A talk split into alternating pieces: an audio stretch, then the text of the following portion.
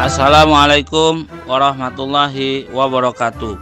Kami keluarga besar Staima Sintang mengucapkan selamat hari ulang tahun ke-76 Radio Republik Indonesia tahun 2021.